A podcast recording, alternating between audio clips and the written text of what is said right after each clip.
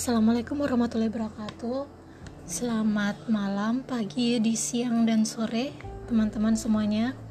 Di episode kali ini, saya akan membacakan sebuah puisi yang berjudul Mata Luka Sengkon Karta karya Perisandi Hussein.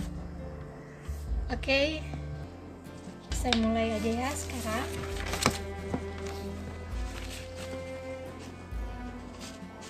Mata Luka Sengkon Karta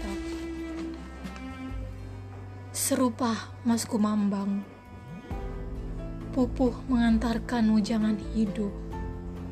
Kecapi dalam suara sunyi menyendiri. Pupuh dan kecapi membalut nyeri. Menyatu dalam suara genting.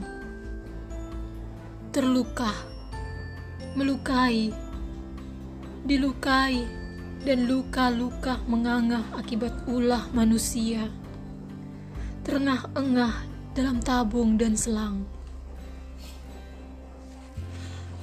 Aku seorang petani bojong sari, menghidupi mimpi dari padi yang ditanam sendiri. Kesederhanaan panutan hidup dapat untung dilipat dan ditabung. 1974, tanah air yang kucinta berumur 29 tahun, waktu yang mudah bagi berdirinya sebuah negara. Lambang Garuda, dasarnya Pancasila. Undang-Undang Dasar 45 merajut banyak peristiwa. Peralihan kepemimpinan yang mendesak, Bung Karno diganti Pak Harto dengan dalih keamanan negara Pembantaian enam jenderal satu perwira. Enam jam dalam satu malam. Mati di lubang tak berguna. Tak ada dalam perang Mahabharata. Bahkan sejarah dunia. Hanya di sejarah Indonesia. Pemusnahan golongan kiri. PKI wajib mati pemimpin otoriter, repelita, rencana pembangunan lima tahun bisa jadi rencana pembantaian lima tahun. Di tahun-tahun berikutnya, kudapati pendemak misterius. Tak ada salah, apalagi benar. Tak ada hukum negara. Pembantaian di mana-mana.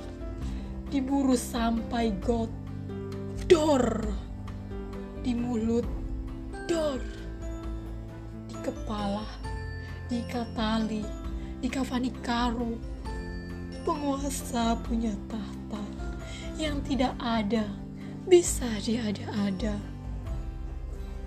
Akulah sengkon yang sakit berusaha mengenang setiap luka. Di dada di punggung di kaki di batuk yang berlapis tuberkulosis. Palu, 11 Juli 2020. Terima kasih.